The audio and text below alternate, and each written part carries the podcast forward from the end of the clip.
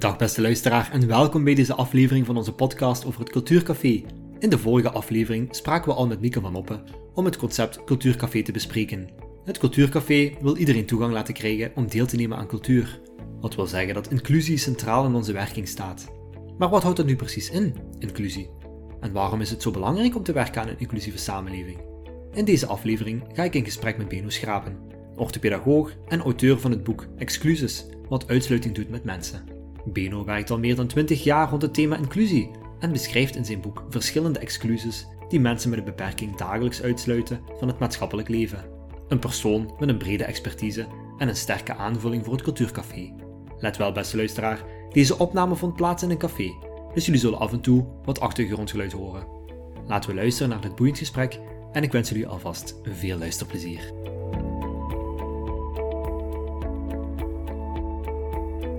Leno, vandaag hebben we het over het thema inclusie.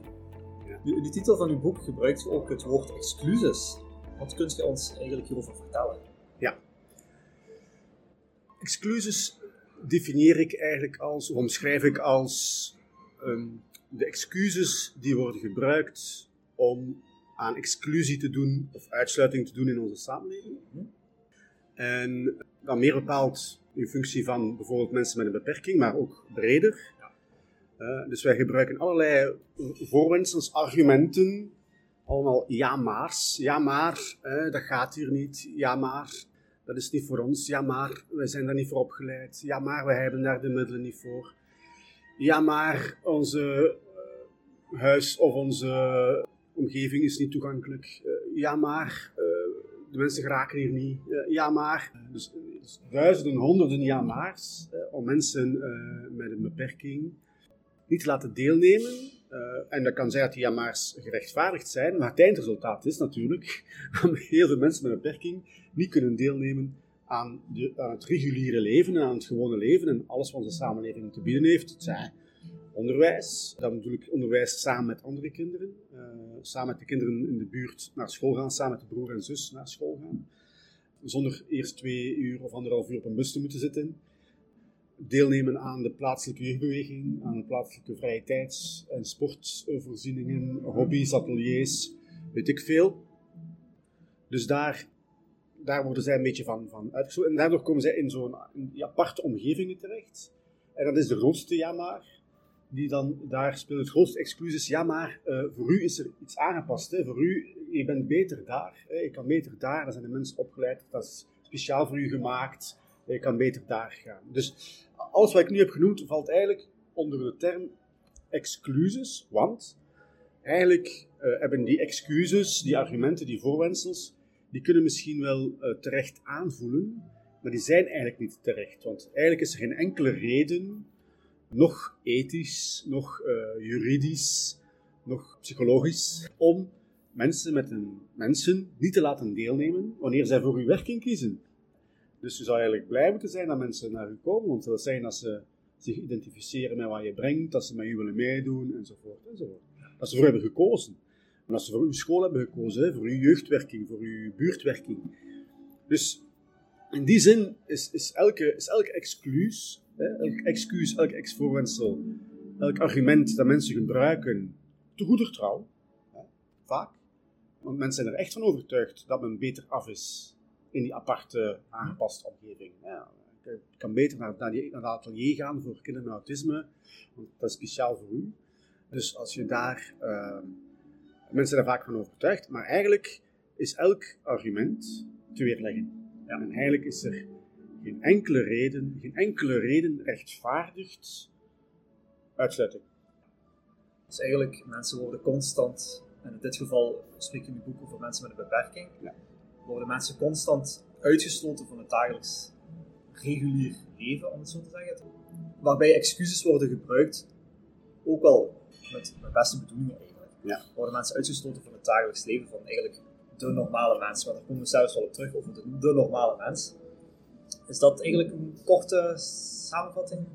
Ja, daarvan kan maken? ja, maar we kunnen daar nog zelfs verder gaan, want al die excuses, we stellen ons daar geen vragen bij. Mm we vinden dat normaal. Ja. Dat is de normale gang van zaken. Dat is hoe we onze samenleving hebben georganiseerd. Ja. dat is hoe het beleid eigenlijk dat financiert en subsidieert. Want je kan veel meer middelen krijgen, meer subsidies krijgen als je een aparte werking hebt dan als je een inclusieve werking hebt. Ons beleid is zeer weinig gericht op inclusie, nog in beleid, nog in financiering. Dus eigenlijk wordt die exclusie wordt eigenlijk uh, systematisch aangemoedigd. En men denkt dat dat voor iedereen het beste is. Zowel voor de mensen die in die reguliere omgevingen, in die normale omgevingen kunnen functioneren, want dan moet je geen rekening houden met die mensen met een beperking die vaak toch als een soort van last worden bekeken. Dat is de beeldvorming die wij gecreëerd hebben. En aan de andere kant hebben wij allemaal structuren die dat allemaal in stand houden. Hè? Allemaal eilandjes. Ik noem dat in het boek ook het, de, de handicap-archipel. Allemaal eilandjes waar mensen met een beperking vertoeven, samen met specialisten, samen met mensen die speciaal daarvan opgeleid, maar waar dat, uh, de, de overzetboot naar het, uh, of de brug naar het reguliere leven eigenlijk zelden wordt uh, gebruikt of geïnstalleerd. Ja. Exclusie, we leven eigenlijk in een exclusieve samenleving, als ik het zo mag zeggen. Mensen die niet binnen de norm passen, mensen met een beperking, worden eigenlijk, zoals ik net verteld, op aparte eilandjes geplaatst, waar, met gespecialiseerde hulpverlening, afgesneden van het vasteland. Ja. Dus het vasteland, ja. ja. Nu, tegenover die exclusieve indeling die eigenlijk wordt opgelegd door het beleid, gefinancierd door het beleid, spreekt je eigenlijk in je boek over een inclusief perspectief waar we eigenlijk naartoe zouden moeten gaan. Ja. Inclusieve samenleving. Wat wil dat eigenlijk zeggen? Een inclusieve samenleving, we kunnen dat, we kunnen dat zeer uh, ingewikkeld en groot maken, als een soort van gigantische berg waar we voor staan. En waar we die een soort van utopische berg is van in de inclusieve samenleving gaan we toch nooit halen. Dit, is het beste wat we kunnen krijgen vandaag de dag, eh, maar we kunnen ook zeer klein maken. Maar als het over inclusie gaat, dan, dan beperk mij vaak tot twee definities. Een inclusieve samenleving is een samenleving met zo weinig mogelijk uitsluitingsmechanismen. Dus een eerste stap in het, in het bouwen aan een inclusieve samenleving is het wegwerken van uitsluitingsmechanismen. Dat geldt niet alleen voor mensen met een beperking, dat geldt ook voor armoede, dat geldt ook voor discriminatie op de arbeidsmarkt ten aanzien van van gender, of van, van cultuur, of, of, religie, of wat dan ook, hè, of op basis van naam, hè, dus, of afkomst. Dus dat geldt voor alles. Eigenlijk moeten we af van al die uitsluitingsmechanismen, want een uitsluitingsmechanisme leidt automatisch tot discriminatie. Hè. Dus dat is eigenlijk één de link. En discriminatie is tegen de wet, is tegen de randwet. En een tweede definitie, die vind ik eigenlijk nog belangrijker, en die sluit daar ook op aan, dat is een inclusieve samenleving doet, doet recht aan de diversiteit binnen de samenleving. Dat wil zeggen dat hij de rechten respecteert van de diversiteit binnen de samenleving. En dat hij ook die diversiteit helpt ontwikkelen. Dat hij recht doet aan het feit dat iedereen verschillend is. En het feit dat iedereen op een verschillende manier in deze samenleving staat. Op een verschillende manier kan bijdragen. Op een verschillende manier kan ontwikkelen. En daar moeten wij eigenlijk vooral op inzetten. Want we zijn allemaal verschillend. Ook diversiteit binnen de mensen met een beperking is even groot als binnen de rest van de samenleving. Als je twee mensen samen zet, heb je al diversiteit. Iedereen gaat een uniek leven leiden. En de, de vraag is dan ook, ja, bijvoorbeeld wanneer het gaat over mensen in armoede, mensen met een beperking, welk uniek leven willen zij leiden in die samenleving? Dus het is, een inclusieve samenleving werkt voortdurend aan de, de, de insluiting, de participatie, de gelijkwaardigheid van, van mensen. En zorgt ervoor dat hulpverlening en zorg, die natuurlijk cruciaal is, maar dat die eigenlijk ondergeschikt is aan de participatie en deelname in de samenleving. Dat die eigenlijk ten dienste staat van het kunnen uitbouwen van een volwaardig leven. En de belangrijkste reden waarom ik op mensen met een beperking heb gefocust, omdat ik ben ondertussen al twintig jaar met dat thema bezig, en ik zie rondom mij, ik woon in Antwerpen, in Antwerpen-Noord, in een zeer uh, diverse buurt, ik zie ook in de media, en ik zie dat voorbij 20 jaar daar vooruitgang is gemaakt op vlak van inclusie, op vlak van op basis van cultuur, op basis van soms als op armoede, soms een beetje. Hè. Maar er is één groep voor wie het laatste 20 jaar amper iets is veranderd, globaal gezien. Dat zijn de mensen met beperking. En dan krijg je een soort van geïnstalleerde en gesubsidieerde segregatie. Omdat wij allemaal denken dat is het beste voor die mensen. Ja. En ja, maar eerlijk zijn, de mensen zelf vinden ook soms het beste. Hè? Want waarom zou je willen deelnemen aan een samenleving die niet is aangepast? Hè? Wanneer je in een, een ontoegankelijke omgeving komt, dan is die per definitie onveilig. Het is net omdat mensen met een beperking niet kunnen deelnemen aan het regulier leven, dat er ook geen veranderingen gaan teweeggebracht ja, worden. Voilà, voilà. Dat is het zo mag. Uh... Ja, klopt, klopt helemaal.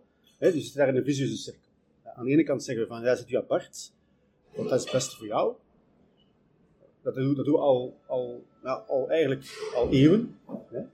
Ik heb, daarom we ook een stukje geschiedenis uh, in het boek uh, daar rond gezet, van hoe, hoe zijn we daartoe gekomen. Hè. In het apart zetten van mensen. Maar we hadden gedacht dat dan na de Tweede Wereldoorlog, waar we onze samenleving opnieuw hebben opgebouwd, dat we daar de grote switch zouden doen, zoals bijvoorbeeld in Scandinavië is gebeurd of in andere landen is gebeurd. Maar dat is dan uh, in Vlaanderen of in België meer bepaald niet gebeurd, want daar hebben wij terug aangesloten bij de situatie van voor de Tweede Wereldoorlog. Namelijk het bouwen van voorzieningen, instituties, instellingen, die pasten bij onze cultuur, die rond de term beperking en handicap, vooral medisch en religieus, was geïnspireerd, hè, de hulpverlening en opvang. Religieuze en medische opvang is, is doorheen de eeuwen nog altijd apart gebeurd van, van de samenleving. En daardoor hebben wij niet alleen onze samenleving, onze samenleving zo georganiseerd, maar hebben wij ook die beeldvorming bij iedereen erin geplant, al jaren. Iedereen die in Vlaanderen opgroeit, kan opgroeien zonder in zijn leven ooit maar één leeftijdsgenoot met een beperking tegen te komen. Misschien is de, vroegste, de eerste persoon die je tegenkomt met een beperking is misschien uw zijn misschien uw grootouders, omwille van ouderdom. Maar in het dagelijkse leven zijn die mensen onzichtbaar, zijn niet vertegenwoordigd, zijn, zij nemen geen deel op verschillende beslissingsniveaus, zijn dus ook niet bij macht om daar iets aan te veranderen. Ze zijn ook altijd in de minderheid.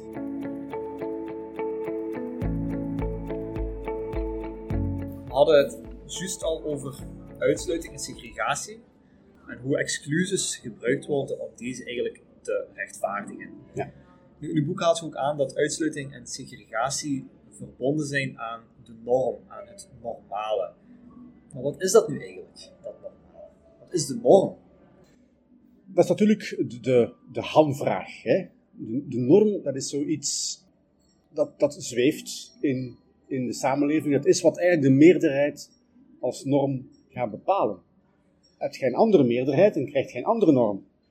Dus één, de, de norm is iets dat, dat fluctueert. Maar als we dat een beetje vanuit een historisch perspectief bekijken, dan is er, is er maar sprake van de norm of van, van het normale op het moment dat de statistiek werd ingevoerd. En de norm is eigenlijk het gemiddelde. En alles wat niet rond dat gemiddelde hoort, dat zijn de, de uitzonderingen. Dat zijn extremen. De, grootste groep zit in het midden. En die bepalen dus, of die vertegenwoordigen dus de norm. Dat is dus het gemiddelde. En degenen die buiten dat gemiddelde vallen, dat zijn de extremen die er dan vaak ook uitdonderen. Dus vanuit de, het gebruik van statistiek in relatie tot testen en, enzovoort, hebben wij in de, in de psychomedische wereld hebben wij een heel systeem uh, ontwikkeld om te bepalen wat de norm is. En de norm is wat door de meerderheid, door de grootste groep, als gezond of goed wordt bepaald. Hè? Nu, vanuit een medische standpunt kunnen we dat nog een beetje begrijpen natuurlijk, want de norm is gezondheid, gezond zijn. Uh, de niet-norm is ongezond zijn of ziek zijn.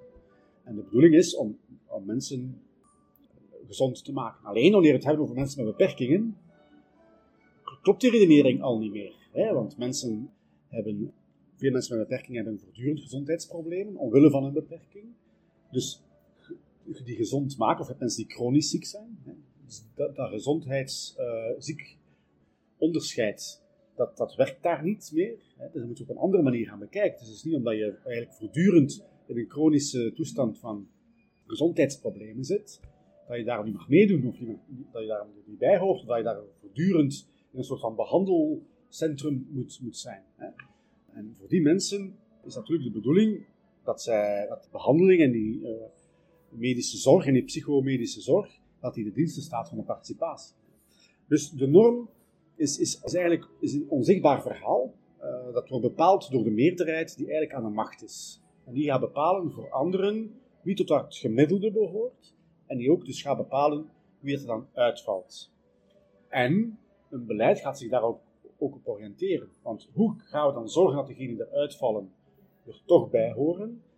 Dat gaan we dan doen door speciale, specifieke doelgroepen te maken, uh, maatregelen voor die doelgroepen te gaan bepalen. Maar net wanneer een beleid dat doet, en wanneer een sector zich daarin inschrijft, zoals een sociale sector of een, of een sector die werkt met mensen met een beperking, daarmee stigmatiseren we juist, of blijven wij juist die bijzondere situatie, het feit dat dat gaat over uitzonderingen, extremen, blijven we juist bevestigen in de samenleving. Die norm, of met een norm als argument, als uitgangspunt, gaan wij mensen uitsluiten. Terwijl, er is eigenlijk maar één norm. En dat is diversiteit. Want dat is het enige wat we allemaal gemeenschappelijk hebben. Is het feit dat we allemaal verschillend zijn. Dus we kunnen niet binnen die diversiteit, die de realiteit is, dan gaan zeggen van oké, dus dat groepje is dan de norm. En dat groepje behoort niet tot die norm. Nee, het is de bedoeling van samen met de diversiteit proberen die samenleving zo maximaal mogelijk vorm te geven en mensen zo een kwaliteitsvol uh, mogelijk leven te bieden. En dat dat moet met ondersteuning en met tijdelijke opvang in, in, in, een aparte omgeving enzovoort. Maar er moet altijd die verbinding zijn met de samenleving, met andere mensen enzovoort. We hebben allemaal recht om te leven in een inclusieve samenleving. Mm Het is niet de bedoeling dat er een norm bestaat. Ja, het, feit dat er een norm bestaat, dat is iets dat geïnstalleerd wordt door de structuren en, en, de, en de mensen die het voor het zeggen hebben. Ik zou wanneer je zegt de norm is, je moet de eindtermen halen, dan krijg je het onderwijs dat we krijgen. Wanneer de norm van een jeugdbeweging is, je moet in een bos kunnen spelen, zelfstandig, dan krijg je de jeugdbewegingen die we hebben.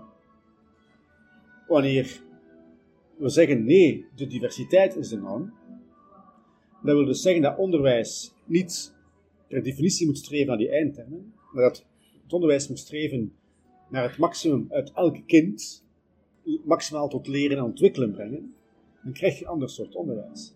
Wanneer een jeugdbeweging zegt, oké, het is onze taak om ervoor te zorgen dat iedereen hier kan komen spelen, en om het mogelijk te maken dat iedereen in het bos kan komen spelen, dan krijg je een ander soort jeugdbeweging.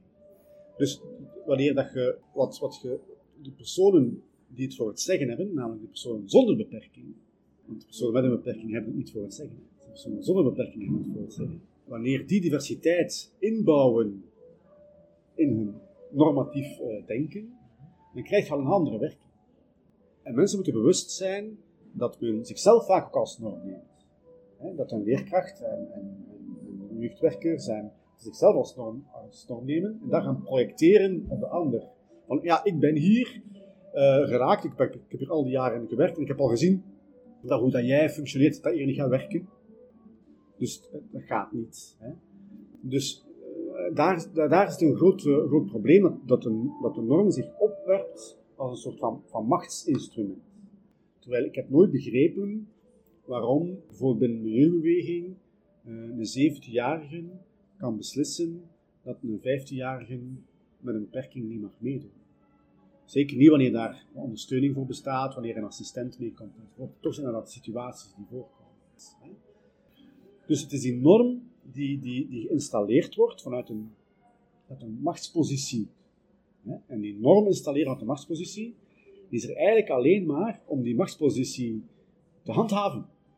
En stel je voor dat mensen met een beperking evenveel te zeggen zouden hebben als wij.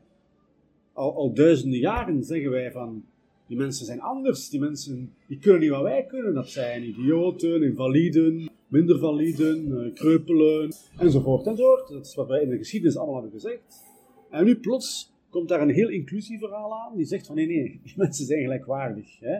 Die hebben eigenlijk evenveel recht op deelname in de samenleving, die hebben eigenlijk evenveel recht op alles wat jij hebt.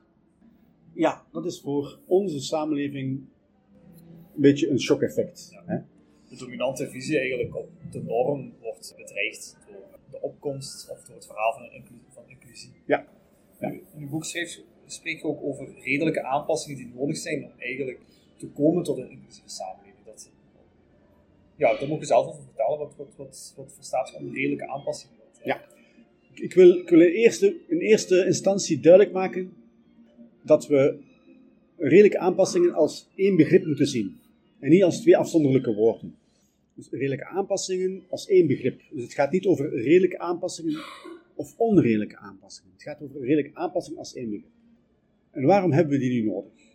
We hebben eigenlijk onze samenleving georganiseerd en geïnstalleerd er niet van uitgaande dat die grote diversiteit aan mensen moet kunnen deelnemen aan alles. We hebben onze samenleving georganiseerd vanuit het idee dat de meerderheid daar moet aan kunnen deelnemen en dat we voor de andere mensen iets anders hebben. Dus onze samenleving is per definitie ontoegankelijk.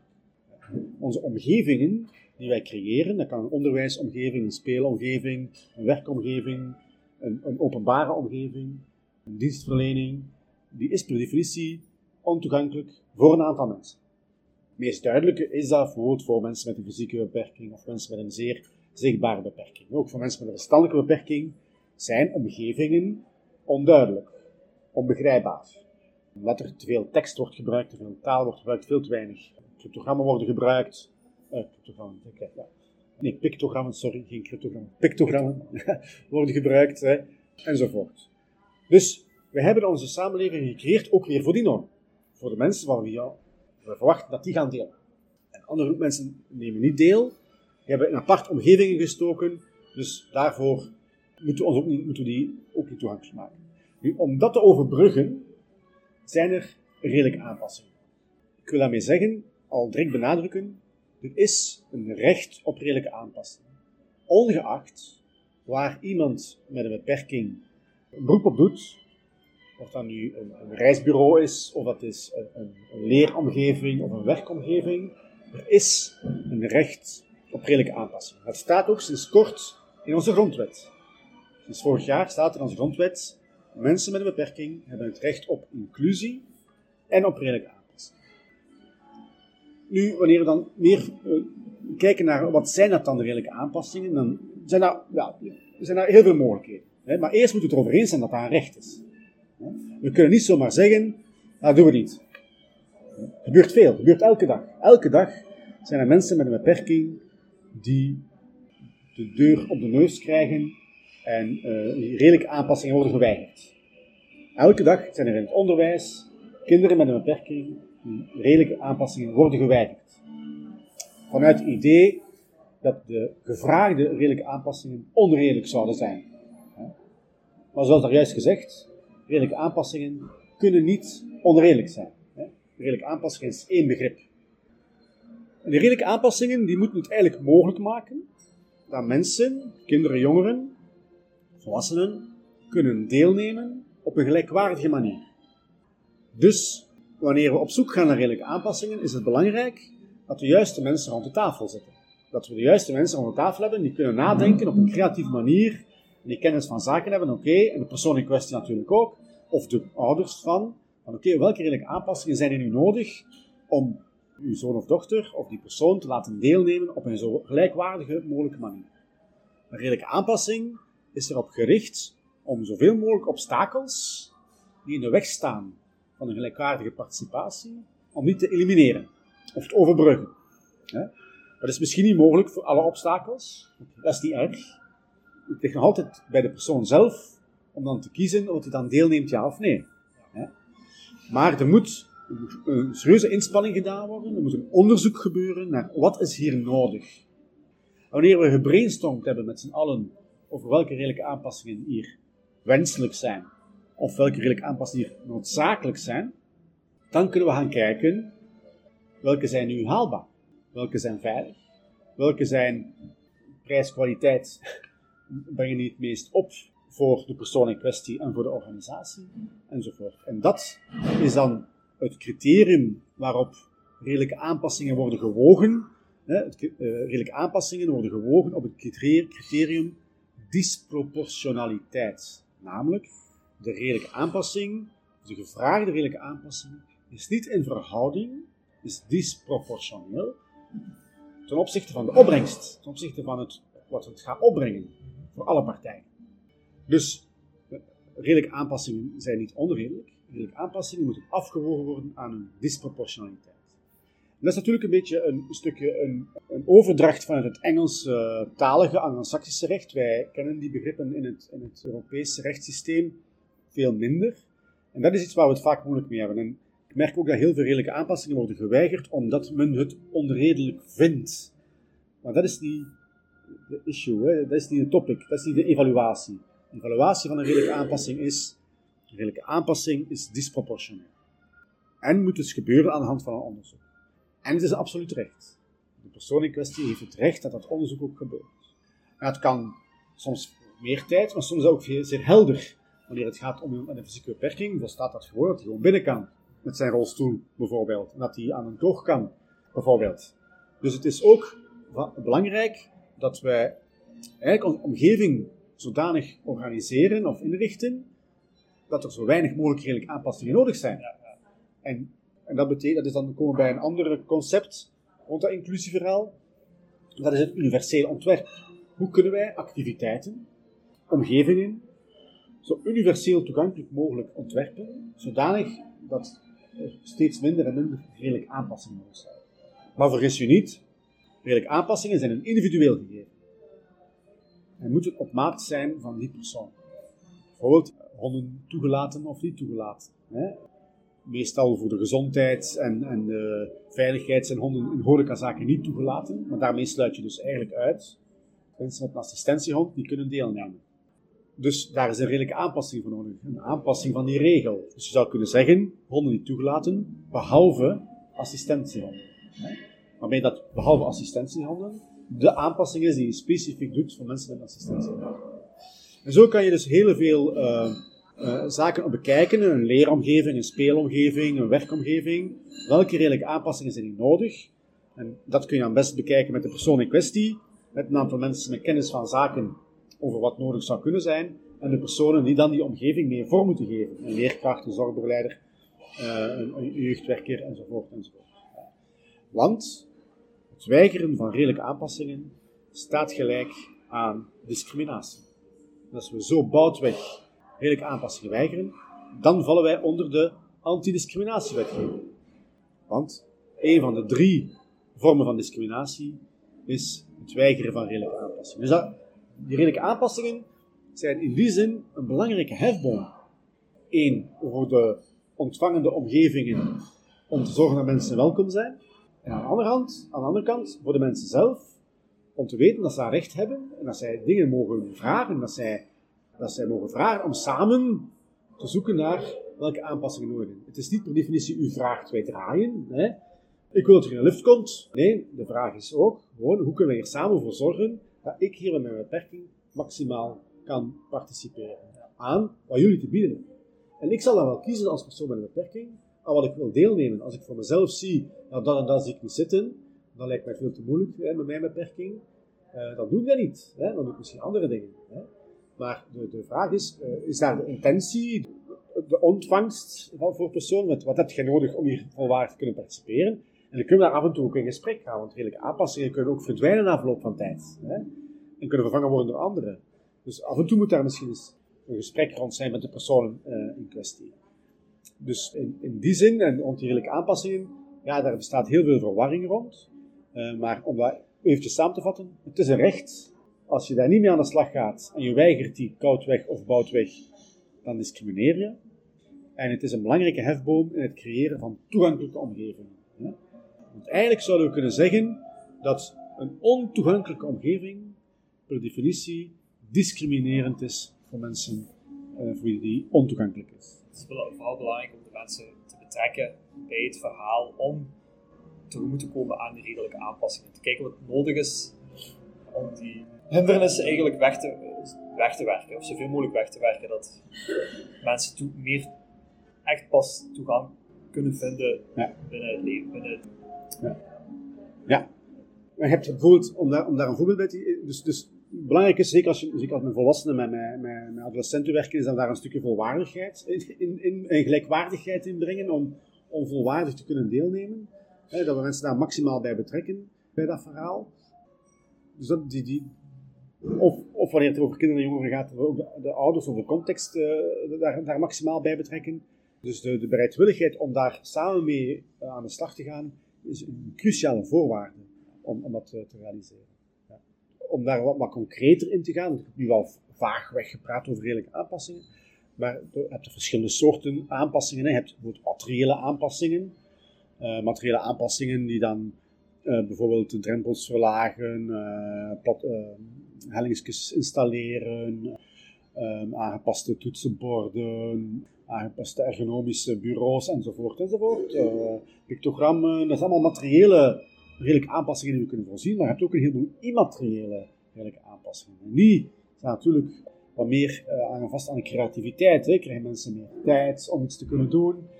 Gaan we, gaan, we, gaan we binnen een spel een andere oplossing vinden voor uh, de deelname van iemand? Gaan we binnen, het, binnen een klas uh, andere methodieken gaan proberen uitzoeken om, om iets te doen, om, om kinderen tot leren te brengen? Dus je hebt daar een, een heel, heel veel nood aan creativiteit om daar goede oplossingen voor te, voor te verzinnen.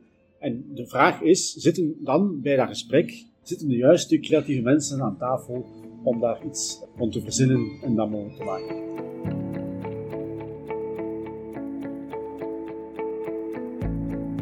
We hebben het nu dus over verschillende redelijke aanpassingen, verschillende redelijke aanpassingen naar voren gehaald.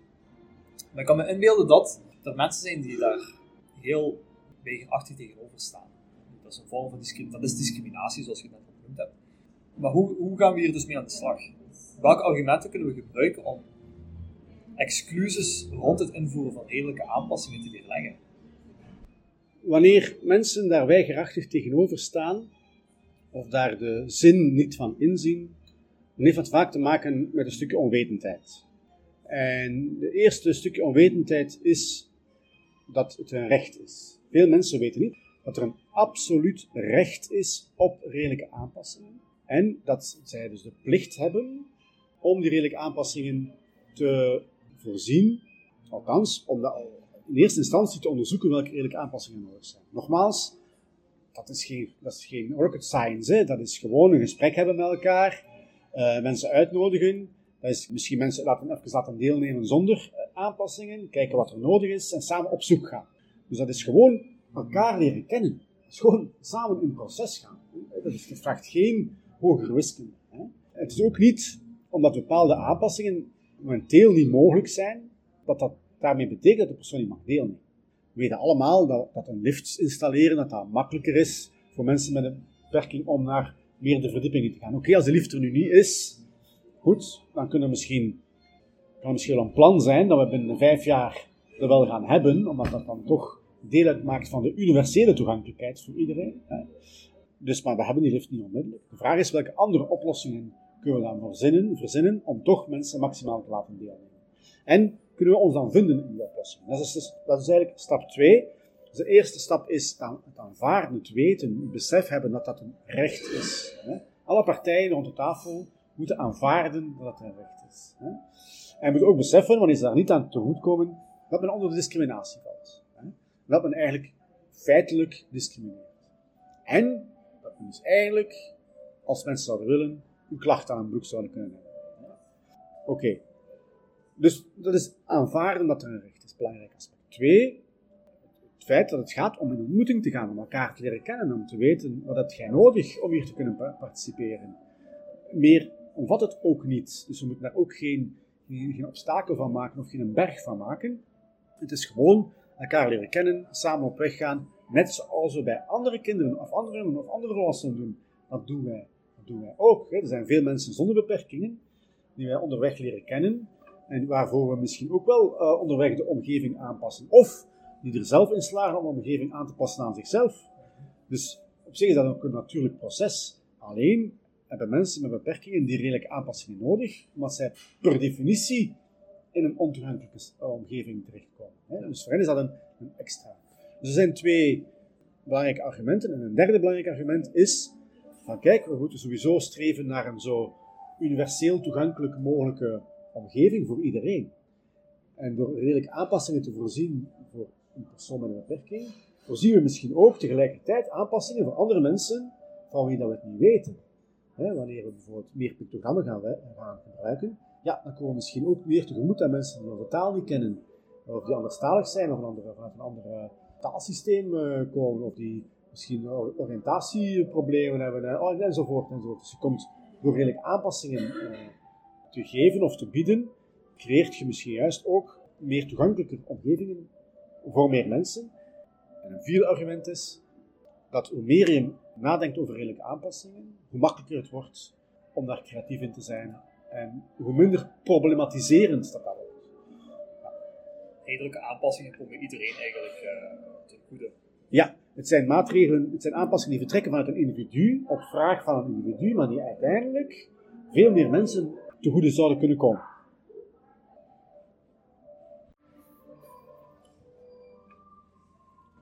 Morgen meer inclusief dan vandaag. Dat is een quote die ik haal uit het boek die je hebt geschreven. Ik vind dat een heel krachtige boodschap. Ja. Mijn vraag is dan wel, welk advies kunt je ons meegeven? Zowel mij als stagiair opleiding voor sociaal-cultureel werk, als organisatie, en ook eigenlijk de luisteraars in het algemeen. Hoe we eigenlijk inclusief aan de slag kunnen gaan, of moeten gaan eigenlijk. Dat is een goede vraag, hè? want we moeten eigenlijk inclusief werken zonder dat we ooit gedaan hebben. We moeten eigenlijk het uitvinden terwijl we aan het doen zijn. Dat maakt van een inclusief verhaal natuurlijk een zeer mooi verhaal. Dat brengt ons ergens anders. Je kunt zeggen, inclusie is een proces, is een reis. Vandaar dat ik ook zeg, morgen meer inclusief dan vandaag. We kunnen niet van vandaag op morgen een inclusieve samenleving worden. Dat is een groeiproces. De vraag is of we ooit wel de inclusieve samenleving zullen zijn. Maar dat is dus niet aan de orde. De vraag is, als we willen dat we meer inclusief zijn, moeten we elke dag een stap vooruit kunnen zetten. Dat geldt voor de, samenleving in het geheel, maar dat geldt ook voor een organisatie die zich de vraag moet stellen, oké, zijn, we morgen, zijn we nu vandaag meer in geslaagd om inclusief te zijn dan gisteren? En ook voor gelijk welke hulpverlener, sociaal werker, iedereen die met mensen werkt. Want we moeten dat leren, we moeten dat onderspot leren. En als we daar een aantal adviezen voor bij kunnen geven, dat is onder andere bijvoorbeeld van zet de inclusieve bril op. We hebben 50 jaar lang de integratiebril opgezet, waarin de meerderheid zei tegen bepaalde minderheden, jullie moeten integreren, jullie moeten empoweren. U, u hoor je al, als de meerderheid dat zegt tegen een minderheid, dan zit je al met een status- en machtsverschil. En dan eigent die meerderheid zich ondertussen toe wat die minderheid moet doen. Dus je creëert sowieso een ongelijkwaardige positie en je blijft dus in die afhankelijkheidsrelatie hangen. Je blijft hangen in de afhankelijkheidsrelatie van bepaalde minderheidsgroepen die afhangen van de meerderheid om hun leven vorm te geven op welke manier dan ook. Dus dat is heel, heel het, uh, het integratiedenken. Het integratiedenken was goed bedoeld, om mensen dichter in de samenleving brengen enzovoort, maar het vertrok te veel vanuit een eenzijdige meerderheid. Hè. onze maatschappij is ook niet echt toegankelijker geworden door dat integratie. En de uitsluiting en segregatie zijn ook niet verdwenen door dat integratie. Dus de mensen die geïntegreerd zijn, die echt geïntegreerd zijn, zijn de mensen die het konden. Al degenen die het niet konden, die zijn blijven steken. Dus zet de integratiebril af. Een integratiebril die vertrekt vanuit een wij-zij-denken, die vertrekt vanuit een uh, minderheid-meerderheidsdenken, die vertrekt vanuit uh, een bepaalde machtspositie ten opzichte van anderen. Ik ben een professional, dus ik weet het beter dan jij. Ja? Aan de andere kant zijn de meeste professionals zijn goed opgeleid, komen uit een, meestal uit een bepaalde middenklasse en gaan juist werken met mensen die daar niet uitkomen. Andere woorden, die professional en zeker ook de sociaal professional, die, die kan zich eigenlijk heel moeilijk inbeelden wat het is om in armoede te, te leven of om met een beperking uh, te leven in onze samenleving. Dus we hebben die ervaring van de anderen die in die situatie zitten heel hard nodig om samen het verhaal vorm te geven. Dus inclusie, bouwen aan een inclusieve samenwerking, aan een samenleving, zal samen zijn of zal niet zijn op het moment dat we ons in de positie bevinden dat wij het gaan beslissen voor de ander, moet er al een alarmbel rinkelen oh, dat, dat we niet op een inclusieve manier kunnen zijn. Dus het uitgangspunt van dat inclusieve verhaal is dat er dus ook gelijkwaardigheid is. En dat wij samen, die samen moeten vormgeven. Het is niet wij geven die vorm voor u, nee, we geven die samen vorm. Natuurlijk ergens beginnen, maar dat is wel een belangrijk aspect. Rond, rond die inclusieve uh, bouwen aan een inclusieve samenleving. Een tweede aspect is uh, zichtbaarheid. Heel veel mensen met een beperking zijn onzichtbaar. De vraag is, hoe kunnen we die zichtbaar maken in de samenleving? Hoe kunnen we ervoor zorgen dat de diversiteit die er is in de samenleving, dat die zichtbaar is, dat dat een natuurlijk gegeven is. En dat ook iemand met Down-syndroom, dat is een natuurlijk gegeven. En die personen zijn er. Dus de vraag is, hoe kunnen we daarmee aan de slag? Dus hoe zien wij, hoe bekijken wij diversiteit als natuurlijk? Wanneer we inclusie tot de essentie herleiden, dan komen we eigenlijk bij inclusie is relatie. Inclusie is hoe wij als ene persoon in relatie staan tot de ander. En hoe gaan wij in relatie? Hoe gaan wij in de ontmoeting? Vlaanderen is op dat vlak niet de meest hartelijke regio. Wij zijn eigenlijk niet hartelijk voor mensen met een We zijn misschien soms liefdadig en soms solidair, maar we zijn als samenleving in het geheel niet hartelijk. Uh, mensen zijn niet overal welkom, mensen worden niet overal hartelijk ontvangen of, of, of, genereus ontvangen.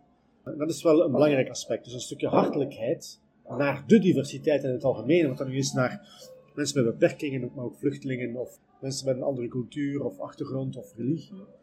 Een stukje hartelijkheid en openstaan voor die diversiteit die natuurlijk gegeven is, is een belangrijk aspect van het inclusieverhaal. En natuurlijk, wanneer we gaan kijken naar organisaties, dan moeten zij van uitgaan, een uitgangspunt zou moeten zijn, er is een recht op inclusie. Dus dat betekent dat de organisatie de plicht heeft tot inclusie. Wanneer het voor de burger een recht is, dan heeft een organisatie of een maatschappelijke structuur de plicht om daaraan tegemoet te komen. Dus uitgaande van het feit dat elke organisatie, gelijk waar, ongeacht, een plicht heeft tot inclusie van de diversiteit. Dus hoe kunnen we recht doen aan de diversiteit in deze buurt, in onze regio enzovoort. Inclusie is ook een lokaal gegeven. Het gaat erom gaan, kunnen de mensen in de buurt en in onze regio beroep doen op alles wat die regio te bieden heeft. In de eerste plaats, daar waar zij wonen.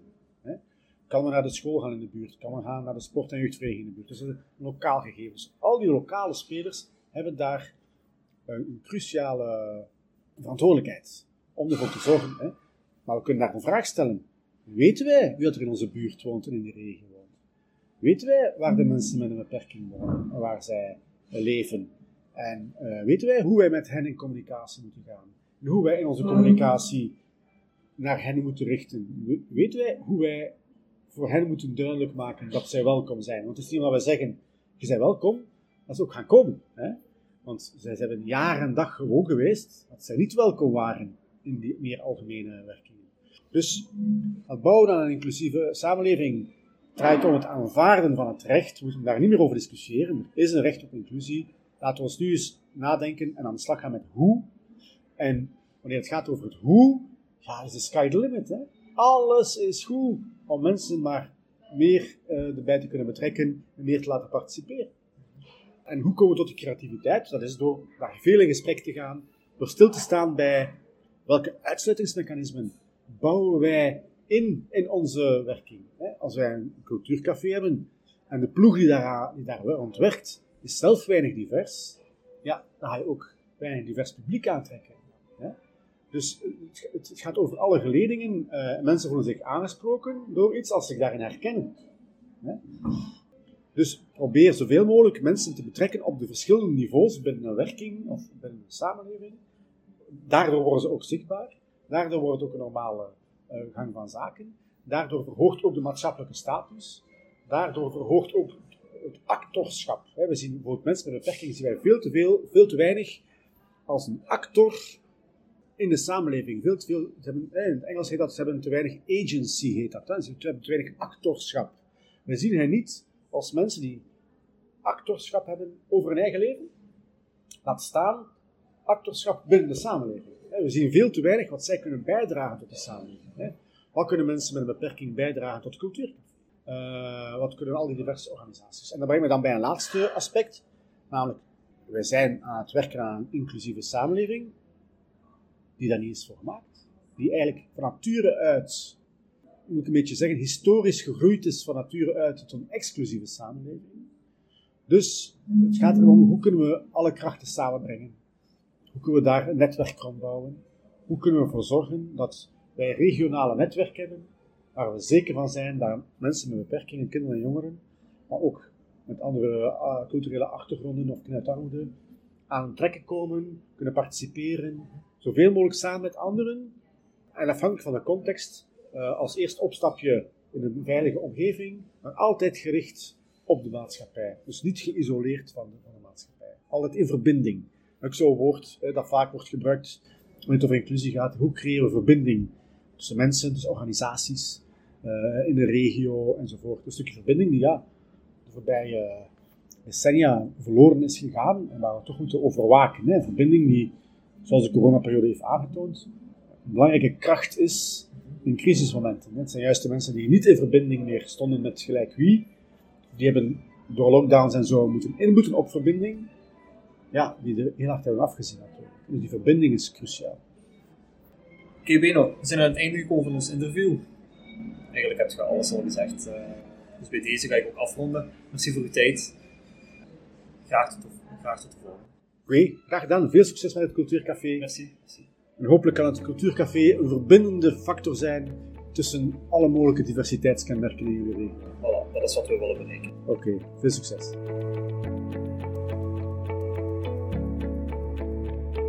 Ziezo, beste luisteraar, we zijn aan het einde gekomen van deze wat langere aflevering van onze podcast. Beno nam ons mee op reis door de verschillende exclusies en ja-maars die mensen in de mond nemen in ons exclusief georganiseerde samenleving. Niet het gemiddelde, maar diversiteit hoort de norm te zijn. Mensen met een beperking hebben het recht op redelijke aanpassingen en moeten mee aan het stuur staan van het beleid om participatie mogelijk te maken. Ook bij het Cultuurcafé nemen we deze boodschap mee. Participatie en inclusie staan nu eenmaal centraal in onze werking en we blijven op de uitkijk om de diversiteit in de samenleving tot haar volle recht te laten uitkomen. Morgen meer inclusief dan vandaag. Zoals de titel het begin van deze aflevering afklopt, zo ook eindig ik graag met deze hoopgevende boodschap. Voor de volgende aflevering ga ik in gesprek met niemand minder dan comedian William Boeva. William werkte samen met Beno aan het boek Excluses en gaf verschillende belangrijke getuigenissen die het boek maakt tot wat ze nu is. Graag tot dan en ik wens jullie nog een fijne dag verder.